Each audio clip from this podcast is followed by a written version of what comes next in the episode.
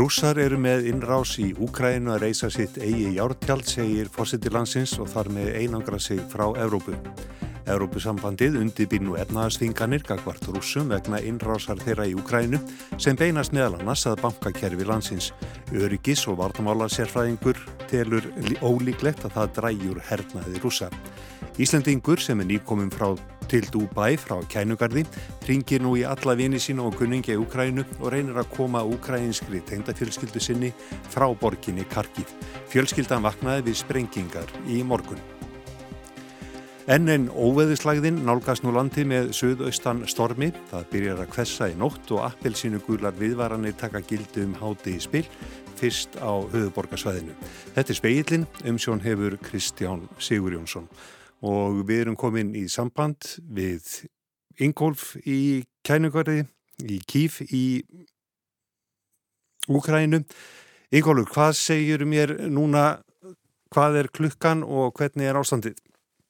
Já, nú er klukkan orðin átta hér og búið að vera dynt í nokkra klukkutíma en fólk stendur ennþá í rauðum fyrir utan matvöruverslanir uh, og uh, lengi sitja bílar í bílarauðum fyrir framann uh, bensinstöðar í vonum að fá 20 uh, lítrana sem að hvað vera skamtaðir hér á bíl núna. Uh, fólk veit náttúrulega ekkert hvernig ástandi verður. Það er svona almennt gert ráð fyrir því að uh, í kvöld verði ráðist á innviði kænugarðs, þar að segja að samskipti verði hér fyrir gera erfið jáfnveil farið í, í raforkurkerfið þannig að borgin verði svona frekar lömuð og, og, og erfitt að koma bæði upplýsingum og samskiptum áleiðis. Það er hluti á salfræði hernanum það var svona, menn voru boru bara eftir hér fram eftir degi, eh, gengur á samfélagsmiðlum á milli manna myndir af því hvernig tækist að granda rúsneskum uh, skriðdryggum með vestrænum vopnum og fleira í þeim dúr en eftir því sem líður á daginn fjölgar fregnum sem benda til þess að uh, rúsar séu mjög, mjög ákveðið planigangi og það gangi í gróðum dráttum upp og þeir uh, veldi því ekki mikið fyrir sér þótt að einhverjum velbúnaði og þess vegna mannfall verði tölverð getgáturnar núna eru er að þetta snúist um kænugarð og að koma valdamennum hér frá með góðu dillu og koma það á einhvers konar leppstjórn. Ehm, þetta eru auðvitað getgátur, er breytast frá stund til stundar eh, en þetta er allavega staðan hér. Er flótti frá borginni? Það hefur verið alveg bara frá því þetta byrjaði í morgun. Þá hafa umferðaræðirnar hér verið nokkuð stíblaðar, fólk er að leita allra leið alltaf að komast í burtu. Það er náttúrulega fólk hér í ímsum erindagjörðum aðrar en bara þeir sem búa hér og það að fólk eh, hefur kannski ekki ætlað sér að lenda í miðju stríðu og haldið þetta er ekki svona slangt en þannig að það er leitað allra leiða. Eh, fyrirtæki opnuðu fæst skrifstofur sínar í dag þannig að eh, starfsemi sem að fólk hefur kannski myndi leita til, fyrirtæki sem að því að sem fólk myndi leita til þess að leita leiða til að komast á landi er einfallega ekki opinn, flugvillirnir eru lokaðir þannig að leiðirnar er ekki margar ef fólk er ekki með bíl fullana bensíni. Takk fyrir þetta Ingólu Bjarni Sigfússon í Kíf. Við heyrum vantanlega í þér í sjómarsfréttum klukkan 19. Mikið rétt. Volodymyr Selenski, fórsiti Úkrænu, segir að rússar séu með innrás í landið að reysa sitt eigið jártjald og þar með einangra sig frá Evrópu. Þar vísar hann meðal annars til viðskiptaþingana sem hafa ímest verið tilkynntar eða, verið, eða verða tilkynntar síðar. Vladimir Putin, fórsiti Rúslands, segir hins vegar að ekkert annað hafi verið í stöðinni en að ráðast inn í landið. Rússar segjast hafa eðilagt yfir 70 hernaðli mannvirki, þar á meðal rúmlega 10 flugvelli og meðan Úkrænu herr segist hafa skotið niður minnst sex rúsneskar herfluvilar. Það hefur ekki fengist staðfest. Miklir bardagar geisa í austurluta Úkrænu, meðal annars í Odessa og Mariupol. Týjir manna hafa þegar fallið. Þá hafa borgariðvöld í kærnugarði sett á útgöngu bann á næturna til að tryggja öryggi íbúa. Rúsneskir landhermenn eru nú skamt utan borgarinnar. Ólíklegt er að viðskipta þving Hækkanir alltíðarsamfélagsins drægi úr hernaði hjá rúsum í Úkrænu strax, segir Brynja Huld Óskarstóttir, öryggis og varnamálarfræðingur. Mikilvægt sé að Vestranríki standi saman til að hægt sé að stöðva átök. Rússar höfðu safnað miklum herablaða landamærum Úkrænu áður en þeir jöðust inn í nótt, vel á annað 100.000 hermana. Að auki hafa rússar ráðist inn frá Krímskaga. Brynjahöld Óskarstóttir Öryggis og Varnamálafræðingur segir að óttast sé að Úkrænu herr ráði ekki við þennan mikla herabla og þurfi því aðstóð. Þá er spurning hvað munir nákvæmlega gera hvort maður séu Eistræsalslöndin eða NATO-ríkin og Evróparíkin hvort að þau muni senda strax einhvers konar aðstóð. Þau hafa náttúrulega verið að veita her, her, aðstóði fór með hernaðagagna en það er spurning hvort að Evrópuríkin og NATO sé tilbúið að taka þátt í beinum átökum innan Úkrænu. Brynjahöld segir að NATO vilja ekki fara í beint stríð við Rúsland. Því verði fyrst reynda að beita efnahagsþingunum. Fjöldi Evrópuríkja hefur tilkynnt slíkar aðgerðir og ætlar Evrópusambandið að ákveða harðar aðgerðir síðar í dag, meðal annars gegn rúsneskum böngum, en óvíst er hvort það virki. Mekaníkin í efnahagsþingunum er þannig að til þess að það er virki þá þarf ofta að vera búið að beita þeim fyrirfram til að sko, sportna við að hamla einhverja hegðun sem er verið að reyna að, að hindra. En Pútin er búin að taka þessi skref og þá er svolítið erfitt að koma með einhverja efnahagsþinganir sem ætti að vera nægilega sterkar til þess að hann hætti við það sem hann er byrjar að gera. Brynja segir ljóst að átökin hafi langtíma áhrif á Evrópu. Úkræna er bara á okkar landamærum og þetta mun hafa efnahagslegar afleggingar, það mun vera ströymir flóktafólks og þetta mun hafa stjórnmálulegar afleggingar. Sagði Brynja Huld Óskarstóttir, Hallgrímur Indriðarsson talaði við hana. Á þriðja hundra manns eru samankomin á samstöðu fundi fyrir utan Langkólskirkju í Reykjavík. Það er Bjarni Rúnarsson frettamæður. Já, Kristján, að vísu Landakotskirkju svo að það sé, því sem nú haldið til haga. Hér er fjöldi fólk sem að er að mótmála þessum stríðsaðgerðum og hér má sjá, sjá mótmála spjöld á lofti um að stöðva stríðið og uh, hér hefur fólk tekið til málspæði frá Úkrænu og Rúslandi og eitt þeirra er hann Átni, hann er frá Úkrænu, hefur búið hér á Íslandi um 7 ár. Árni, akkur ertu hér í dag? Hér, af því að ég er homi og við vorum með makka mín á, til Íslands til að fá eitthvað, eitthvað verju hér og nú Ísland er, er, er, í alveg mitt land, mitt heimaland og ég smá gleymdi að ég var frá Úkræn og ég bjóð mikið á Rúslandi og en nú ég vaknaði, ég vaknaði, mamma minn hrindi minn segja hvað gerist í Úkræn og ég vaknaði aftur sem, sem Úkrænamenn af því að ég, ég, það dætti mér í huga hvað gerist í heimalandi minn. Mig. Það er rosa erfitt að segja, rosa erfitt að óskýra hva, hva, hvað er að. Ég, ég ég var í vinnunni í dag, ég byrjaði að fóra í vinnu, ég byrjaði að vinna og svo ég byrjaði að gráta, mikið gráta og ég sagði, ég, krakkar, ég get ekki unnið, ég get ekki vera hjá okkur í dag. Ég skal, ég, skal fara, ég skal fara heim og, og, og, og, og veit ekki, veit ekki hvað hva, hva, hva á ég að gera. Og nú ég, ég stendur hér og ég segi fyrir Íslandingar, fyrir útlendingar sem hér að hér á landi að við eigum að gera eitthvað. Stoppa þessi stríð stoppa, segja segja, segja uh, Rúsland, segja Putin að við, við viljum ekki að fá stríð í heimsku. Vi, við vitum að Putin er með, svona kjarnavopn og við vitum að Ísland er í NATO og Putin getur bara notað svona kjarnavopn fyrir NATO, fyrir sem sagt Ísland, Þa, það teljast líki fyrir, fyrir okkur, fyrir Íslandingar hér á Íslandi. Mm -hmm. Við að segja þessu loki. Takk kærlega fyrir þetta. Nei, við segjum þessu loki hérna frá Landakottkirkju. Takk fyrir það Bjarni Rúnarsson. Aron Argrímsson, íslenskur aðtatnamaður sem er nú komin til Dubai eftir að hafa farið frá Úkræna á þrýðudag, segist nú ringja í alla sem hann þekkir í Úkrænu og Pólandi og byggjum aðstóðið að koma úkrænskri tengdafjölskyldu sinni úr landi. Aron var stattur í Úkrænu í síðustu viku og vann með lögfræðingum við að færa eignir ferðaþjónustu fyrirtæki síns úr landi. Fyrir tveimur dögum fyldist hann með eldræðu Pútins Rúslandsforsetta, þóttist sjá í hvað stemdi og hjælt til Dubai. Hann reynir nú á samt úkrænskri konu sinni að koma tengda fjölskyldu sinni frá borginni Kharkiv næri landamærunum við Rúsland. Við erum uh, í síman núna, konu mín er öðru herbyggi núna að reyna ringi fólk sem getur hjálpa okkur að fá fjölskyldinu út uh, en samt á þessum tíma þá eru þau ekkert að flýta sér og kannski í kvöld þá er það örugar ekki að gera neitt uh, leifa ástandinu aðeins að lagast áður en maður heldur áfram af því að að hlaupa út þegar allir eru að hlaupa út getur kannski orðið verra þegar maður er fastur eitthvað út á hraðbreyt segir Aron. Þau og tendanfjölskyldan þurfi að breyðast afarratt við en það breytist staðan sífælt. Þessar sprenningar sem hafa verið í gangi eru að vakna við í morgun. Sko. Þetta er í kringum borgina og það sem gerir okkur svo áhengifull er að Harkiv er mjög mikilvæg borg fyrir rússanar og fyrir Putin og þetta er náttúrulega rétt við landamærin. Þetta verður eina fyrstu borgunum sem verður að reyna að vera tekna. Sko. og það er eiginlega bara í gangi núna. Skriðtrekarnir eru á leginn inn í borginu bara as we speak sko. Sagði Aron Argrímsson, Þórgnýr Einar Albersson talaði við hann. Skamt stóra höggva er á milli þegar kemur að veðrinu, gefnar hafa verið út appilsinu gular viðvaranir fyrir sex spásbæði og spá, spásvæði og gular viðvaranir fyrir fimm.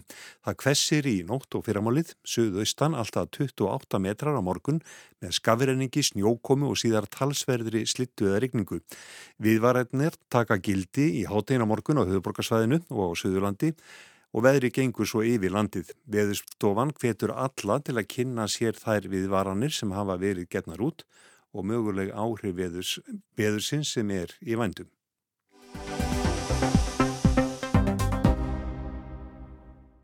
Innrás rúsnarska hersins í Úkrænu tekur yfir speilin í dag. Við ræðum með Albert Jónsson, sérfræðing í varnamálum og fyrrum sendiherra um atbyrði síðasta sólarings og hvað ætla megi að gerist næstu daga. Viðbröð þjóðarleituga hafi verið hörð en hvað fælst í þeim. Við heyrum að viðbröðum á Norðurlöndum en fyrst í forsetta Íslands. Guðni T. Jóhannesson segir að innrás í annað ríki megi aldrei líða, aldrei þóla og aldrei viðurkenna. Ef líðræðisríki heims bregðist ekki við með skýrum og sterkum hætti þá verði vandin einungis verri síðar meir. Speilin rætti við fórseta Íslands fyrir í dag. Þetta eru ógnvænleg og ótrúleg ótíðindi. Forsættisráþara hefur talað skýrum rómi fyrir hönd íslenskara stjórnvalda og auðtaríkisráþara sömu leiðis og þingheimur mótmælir innrás og ofbeldi. Íslenska þjóðin mótmælir innrás og ofbeldi og við Íslendingar, við erum smáþjóð, við erum smáþjóð í hörðum heimi og við viljum að alþjóðalög séu virt. Við viljum að valdhafar stórveldis brjóti ekki nágranna undir sig. Í dag er þjóðatíðadaga Íslendinga við nokkar við Ístrasalt. Þennan dag var 1918, lístu þeir yfir sjálfstæði og í februar 91 fyrir rúmum 30 árum þá ítrekkaði alþingi viðurkynningu Íslands á sjálfstæði Litáins og Ísland, Lettland og Litáin þessar vina þjóðir okkar endur heimtu sjálfstæði og frelsi árið 1991. Sama ára og Úkræna var sjálfstætt ríki, sjálfstætt og fullvalda ríki eins og það er enn í dag og á að vera. Og við eigum að sjálfsögða að standa með ráðamönnum og almenningi þar og í Estresalslöndum og víðar á þessum slóðum. Og við meðum líka gerðan horfa til finna okkar fræntþjóðar á Norðurlöndum og annara grannríkja Rúslands. Sjálfstæði og fullveldi má ekki skerðast við það að eiga landamæri að hernaðarveldi þar sem óttin einn ræður för. Aldnei rússar, þeir þekkja stríð af eigin raun. Og ég trúi því að allur almenningur eistra vilji frið og, og frelsi, mannréttindi og, og líðræði. Og ég á rússaði vinnum og ég nöyt þess á sínum tíma að læra rúsnesku og ég dáist að mörgu í rúsneskri menningu. Og ég dáist að þeirri seglu sem hefur einast einkent rúsneska þjóð En innrás í annað ríki má aldrei líða, má aldrei þóla, má aldrei viðurkenna og við Íslendingar eigum að tala hér einum rámi. Þú ert fórseti Íslands en þú ert líka sagfræðingur. Hvernig serðu þetta út frá þeirri hlið af sjálfum þér? Jú, ykkur vaknar og sagan getur sínt svo margt og hún getur meðal annars sínt það að ef líðræðis ríki heimsins láta svona nokkuð, ég segi ekki óátalið, en bregðast ekki við með skýrum og sterkum hætti, þá verður vandin einungis verri síðar mér. Sagði Guðni T.H. Jóhannesson, fórsiti Íslands í samtali við Ólöfu Rún skúladóttur.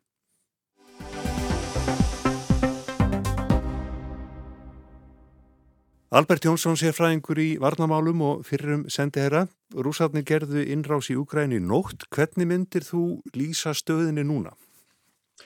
Stóra, stóra spurningi núna varðandi þessa innrás er sko í, í morgun uh, uh, var hugsanlegt og framöndi degi að þessi innrás myndi aðalega snúast um að ná yfiráðum yfir Donbass hérraðin í östur hluta Ukræni og loftar á sér á hernaðileg skotmörgjafil nálagt kýf gætu alveg fallið að því markmiði og tryggja bara öryggi rúsnastra hersveita í austurhutan og lama úkrænska herin, stjórnkerfi hans og svo framvís. En núna þegar líður á daginn eru sívaksandi merki um það að sjónir uh, rúsa beinis líka á beinis að Kíf, að höfuborginni, ekki bara Kharkiv í austurhutanum eða Odessa eða, eða Mariupol, heldur Kíf, höfuborginni, sem er notabein ekki langt frá landamærum Belarúsar sem eru mikla hersveiti rúsa og hún er heldur ekki mjög langt frá landamærum, uh, landamærum við Rúsland. Er þá hægt að... Já, ef, það eru stemt að kif og gert umsátur um kif, þá eru þetta árið allt annað markmið, þá eru þetta markmið það að, að rekja ríkistjórn Úkrænir frá völdum. Er það sem að likur að baki hjá Pútin að, að koma stjórninni frá? Já, hann hefur ekki sagt það og hann sagði í nótt í ræðinni að þetta væri special military operation, eins og sagði, eða ef að þýta einsku, sérstök hernaðar aðgerð til að venda fólki í austurhlutanum í þessu Donbass svæði En núna er, meina, setni um hádegið kom fallífu hellið og, og það er núna barist um Antonov flugvöld svonendan í 25 km fjallaði frá Kíf og það var, var gerð loftarás á þann uh, á orkuverð nálægt Kíf og þetta sér maður að þetta fylgjast með sem er náttúrulega svo Twitter síðum sem að séu vídeo sem koma frá fólki í Úkrænu Þannig að, að þetta eru merki og ég sá líka á hann held ég á Sky News frekarinn einhverju bandarísi sónastöð, almenna væntingin er svo að þetta sé og verði, verði e, algjör, algjör innrás og þar með er auðvitað höfuborgin undir. Hvernig hefur úkrænski herin brúðist við? Sýnist þér hann vera að berjast að fullum krafti? Ég átta mikið á því ennþá, hann hefur brúðist þannig við að, að það er allan að mannfall meðal í úkrænska hernum, það er einhverju týjir skilsmanni. E, þessar frettir frá, sem ég var að vitni á e, Antonov flugvöldurinn 25 km frá Kiev. Það er sagt að það sé barist um hann núna og ég sá vídeo á hann á Twitter og þú heyrðir skoturunur og, og, og skam, í, í, í, bænum við, við þennan flugvöld Þannig að það er barist en ég, ég átta mér bara ekki á því alveg hversu, hversu mikið og uh, einni hafa verið frettir af, af, af Ukrænu hér stemdi að Mariupol sem er þarna í, við ströndina í, um, í Donbass. Hver er staða óbreyttra borgara í Úgrænu? Nú er eflaust hugur flestara bara almennings í heiminum hjá þeim. Beinir, Já, kemur rúsneski hérin til með að beina sínum vopnum að óbreyttum borgurum? Já, sko, í fyrsta lagi, það er náttúrulega búið að vera eh, átök í austurlutanum eh, í síðan 2014. Það talið hafi fallið 14.000 manns þar, þannig að mannfallið er nú þegar veruleg. Hvað var það þess að hernaðarækja, þess að innrás, þá uh, hefur ekki verið skotið flugskeitum á borgir, skilsmiðir, og heldur á skotmörk nálagt borgonum Það var þó einhverja fréttir eh, sem ég segi það að það hefði verið eh, skotið á, á, á Karkov, það hefði lengt flugskeitið á Karkov. En uh, megin þungin í dag virðist það að verið, hvað var það loftar á sig, virðist það að verið á hernaðaleg skotmörk, stjórnstöðvar, flugvelli, herstöðvar, ferskipti og svo framveg. Síðan er náttúrulega rafeinda hernaður í gangi. En uh, þetta geta rússar gert með tiltöla nákvæmum vopnum sem að eiga að lámarka mannfall meðal óbreyttra borgar en það verður alls ekki hjá því komist. Og um, síðan auðvitað er þetta þróast sem að vísbendingar eru um og væntingar eru um í uh, það að það vilja fara að stefna að þessum borgum, ekki bara Kív, heldur ég síðan, Kharkiv, Mariupol, uh, Odessa. Og síðan verði ráðist inn í Úkrænu frá sjó, frá Svartahafi, rúsar eru tilbúinir í það, þeir voru að flytja landgönguskip til Svartahafsum daginn meðal annars og herskipna, annars var Norðurflótan rúsneska frá, frá Kólaskaða þá auðvitað breytist þetta og þá verður hann umsátur um þessa borgir eða barist um þar og ef að verður farið að berjast um borgirnar að þá auðvitað eikst mannfallið mjög mikið. Er hægt á að aðrar þjóðir drægist þarna inn í átökin? Ekki getið sér það, nei. Það er náttúrulega margbúi bara í dag, margbúi að ítrekka það að bandaríkin alltaf ekki skipta sér af þessu hernaðlega eða NATO. Þannig að búið marg segja það í undanfarnar vikur alltaf leiði fyrir, það er yngir aðrir sem koma til greina og, og þannig að það stefnir ekki í það að þessi átök breyðist út í, til annar ríkja. Hins vegar eru þetta það er alltaf þessi möguleiki á mistökum uh, að kvikni átöku aðra vegna mistaka, þannig að það er mikið trafík, hernaða trafík við Úkrænu, það er mikið trafík yfir svarta hafið, það geta orðið mistök, geta orðið áreikstrar, millir skipa eða millir flugvela, það er alltaf þetta útiloka slikt og það kveiki einhverja þáttöku annara en, en, en ólíklegt almennt sér. Nú hafa þjóðarleitógar eh, um allan heim og kannski sérstaklega á Vesturlöndum fordæmt þetta að það er rúsa harlega. Hvað liggur að baki þeim orðum? Hvað geta þeir gert? Það er náttúrulega reynir og það. Nú er beðið eftir því, ég er ekki bandar ekki fórstuðt að fara að tala hann, en þá væntanlega að kynna þvingunar aðgerðir, það er heldur refsi aðgerðir, þetta er náttúrulega refsi aðgerðir því að innrásin er hafið, það er verið að refsa rúsum en ekki lengur verið að reyna aftraðin frá að ráðast inn í landi, það er auðvitað og, hann, og það er búin að segja, hann er búin að segja það marg oft og fullur á bandaríkju stjórnmátt þetta verði stórfældar aðgerður þar hafi ekki verið það hinga til og síðan er Európa-sambandið á fundi og það er líka þeirra fullur á þess hafa sagt eh, bæði í dag og áður að ef til þess að komi sem núna blasir við öllum að þá verði grípið til stórfældar mjög harkalegra efnahagslegra aðgerða gegn Úslandi en við býðum eftir að sjá það og líka frettur um að gengi ílan á samkominlagi um það í ESB.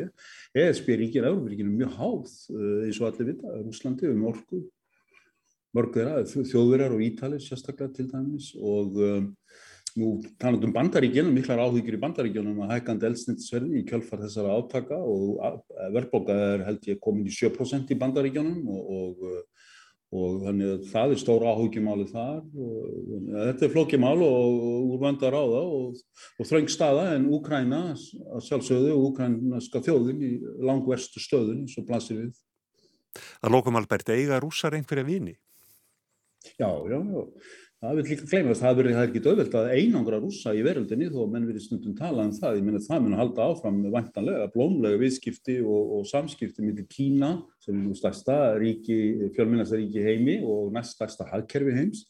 Það mun að halda áfram vantanlega blómlega samskipti og viðskipti millir Rúslands og Indlands Það mun albyggilega halda áfram ágætti samskipti millir Úslands og margra ríkja í miðausturlöndum, jável í Suður Ameríku og Afríku og síðan er þetta er miðasíja, er, er áhrifasvæðið Úslands og þannig að þetta, það er ekki möguleik því einangra rúsa en það er vissulega möguleik því að grípa til aðgerða sem mun kosta þá mjög mikið og, og skafa þá. En sumar þeirra mun líka skafa þá sem að, að standa, það er að segja NATO-ríkin og Európaríkin. Takk fyrir þetta Albert Jónsson. Á Norðurlöndunum hafa stjórnmálamenn líst yfir samstöðu með úkrænumönnum og skammað rúsneska sendiherra. Ég vil heitið mannúðaraðstóð og lofað að taka á móti flótafólki, auki viðbúnað hers og lauruglu. Óskum úkrænskra sendimanna um að fá að kaupa vopn hefur hins vega verið mætt af nokkuð meiri tregðu. Kári Gilósin í Gautaborg, þú hefur fylst með umfjöllunum innrásina í sænskum og norrænum fjölmiðlum í dag og hvernig hafa viðbröðin verið? Jú, það má kannski segja að það séu svona nokkuð svipuð stef í orðum ráðmann hér í Svíþjóð eins og í Finnlandi og Nóri og Danmörku. Innrásinu fordæmt, nokkuð kröftulega, það er líst yfir samstöðu með úkrænumunum og bóðin mannúðaraðstöð og, og svo er verið að stilla saman svona strengi þegar kemur að viðbröðum og refsæðikjunum gagvart Rúslandi. Þannig að það er ákveðin svona samhljómur í viðbröðan. Já, en það má kannski segja að staðalandana svipuðu margt. Orðin sem eru nótið eru þetta svipuð og hefur heyrsti víðar í dag. Innrásin væri alvarlegt brot gegn þjóðarétti og okn gegn öryggi í Evrópu og, og svona. Uh, sendi þeirra Rúslands hafa verið kallaðar á teppið og skammaðir í öllum löndunum fjórum og sumstað voru í dag mótmæli við sendir á það sendiskrifstofu Rúslands. Eh, það var hins vegar aðeins öðruvísi þegar sendiherra Úkrænu kom í sænska þingi í dag þangar sem var bóðið sem sérstökum gesti og, og hérna þegar hann var kynnturinn í salin þá stóðu þingmenn og fætur og hildu hann með lovataki eh, en það var nú kannski öðvöld að gera það er ekki víst að hann hafi farið sáttur úr þinghúsinu þrátt fyrir það því að hann vildi fá einhverja aðstóð og sendiherrar Úkrænu í Danmörk og Noregi hafa verið svipið með einendagjörðum þeir vilja fá að kaupa vopn eða hergögn en þessar umleitanir hafa ekki búið mikið nárangur. Danir vilja ekki senda hörgögt til Úgrænu, norsk lög bannar reynlega að vopn síu sel til stríðsvæða og hérna í Svíþjóð var málið eiginlega bara sett í nefnd. Eh, Varnamálur á þarunum var falið að taka saman tillögur um mögulega aðstóð en það nú alls óvíst að það verði uh, herrgagna aðstóð. Þannig líklega er að það verði kannski lofurðum mannúðar aðstóð. En hvað með afstöðuna í varnamálum? Það hefur verið bætt í hernaða viðbúnað? Já, hér í Svíþjóð er bæði lögregla og her með aukin viðbúnað, meðal annars eru mun fleiri herþótur til reyðu en venjulega um allt land og, og það er líka aukin viðbúnaður hjá hernum og sjóhernum og viðbúnaður gegn 12 ára sem hefur verið aukin verulega og, og svipaða sögur að segja í Danmörk og Norri. En það er aðeins óljósara með Finnland. Fórseti Finnlands, hann sagði í morgun að ógnin núna, hún beinist ekki gegn Finnlandi. En stað að finna er líka kannski svolítið sérstökk. Jú, Finnland er náttúrulega með mjög löng landamæri aður Úslandi og, og er ekki í NATO, ekki frekar en Svíþjóð. Uh, Noregur og Danmörk eru eins og NATO-ríki og það hefur lengi verið umræða um það hérna í Svíþjóð, hvort að Svíþjóð eigi að ganga í NATO og var svona svolítið skerpt á því í gær þegar formaður miðflokksins var í sjónvarsviðtali og sagði að Svíþjóð ætti að ganga í allansafsbandalæði bara núna strax. Það er ekki að vera einhver svona högd yfir milli vestur, Evrópu og Rúslands og staðan í þinginu er skipt bara milli flokkana sem eru til vinstri, vinstri flokksins jafnaðmann á græninga sem eru á móti aðild og, og svo hægri flokkana sem að vilja aðild. Og hún sagði það eh, fórsættisra á þeirra jafnaðamanna Magdalena Andersson í dag að tíðindi dagsins í dag breyttu engu um þessa afstöða að vera á móti að NATO aðild. Eh, en síðan var reyndar sagt frá því síðdegis að hún myndi taka þátt í aukafundi leiðtuga NATO-ríkja á morgun Það er líka stundum sagt að, að Svíþjóð og Finnland uh, þau séu í eins nánu samstarfi við NATO og mögulegt er en ánþess þó að ganga í bandaleið. En óttast menn framhaldið í Svíþjóð? Já, það má nú alveg segja það. Sumir fréttaskýrindur hafa tekið ansi djúft í árunni í dag uh, eins og til dæmis Júhann Norberg sem er sérfræðingur í málöfnum Rúslands hjá rannsóknarstofnun Sænska Hersins. Uh, hann var spurður á því í hádeginu að reynað svona að meta hversu stór viðburður innrásinn í Úkrænu væri og, og svaraði mjög stutt og áhugifullt 1939 og þegar hann var svona spurður aðeins út í þetta þá hann vísaði þetta náttúrulega í upp af setni heimstýrjaldarinnar með innrás Þískalands í, í Póland og hann sagði að þessi viðburður innrásrúsa í dag væri byrjun og einhverju sem væri mjög erfitt að sjá hvernig líki Það væri mikil hætta á blóðugu stríði í Úkrænu og svo bættist við það þessi hótun Vladimir Putins rúslandsvorsetta um að ef önnur lönd myndur skipta sér að þá er því kjarnavopnum mögulega beitt. Þannig að innrásinn væri svona stór sögulegu viðbörður sem ekki sé ljóst hvar, hvar ljúki eða, eða hvað gerist. Aðri fréttaskýrindur hafa reyndar svona dreyði ef að átökinn breyðist út fyrir landamæri Úkrænu en, en staða örgismála í Evrópu er þó breytt um, um það verið að það að samala. Og svo bendi Norberg á það sem að kannski veldur svíjum og, og öðrum minni þjóðum svolítum ávíkjum er að það að, að rússar uh, hafa viljið að taka upp þráðin frá því fyrir stækkun NATO þegar ríki í Östur-Európu fengu aðeld að bandalæginu og hann sagði að stefna Pútins væri svona svo að, að í raun eigi bara stórveldin Rúsland og bandaríkin að ákveða það hvernig örgismálum Európus í hagað og minni ríki hafi þá ekkit um það að segja ríki eins og Úkræn og, og Norðurlöndinu auðvitað sagði Kári Gilvarsson, Anna Kristín Jónsdóttir talaði við hann. Það var helst í speklinum að rússar eru með innrás í Úkrænu að reysa sitt eigið jártjald, segir fórseti Úkrænu og þar með einangra sig frá Európu. Európusambandi undirbýr nú efnaðsfinganir gagvart rúsum vegna innrásar þeirra í Úkrænu sem beinast meðal annars að banka kerfi landsins. Öryggis og varnamálafræðingur tilur ólíklegt að þær drægi úr hernaði rúsa. Innrás rúsa í Úkrænu hefur verið megin efni speilsins í dag en við endum á veðurspá fyrir næsta sólaring sem er ekki gæfuleg. Veðurstofan spáir söðaustan stormi eða róki á morgun. Það kvessir í nótt og fyrramálið, söðaustan 18 til 28 metrar á sekundu á morgun með snjókomu og síðar talsverðri slittu eða regningu. Það hlínar í veðri, hiti 1-60 síðdeis. Skafrenningur og dáli til snjókoma um landi norðaustanvert og hiti í kringum frásmark. Allkvöss sunnanátt, annað kvöld með skúrum eða slittu jæljum. Við minnum á sjóhansfrettir klukkan 19 þar sem farið verður ítalega yfir atbyrði dagsins og síðasta sólarings. En það er ekki fleira í speikli kvöldsins. Tæknimaður í útsendingu var Mark Eldred. Verðið sæl.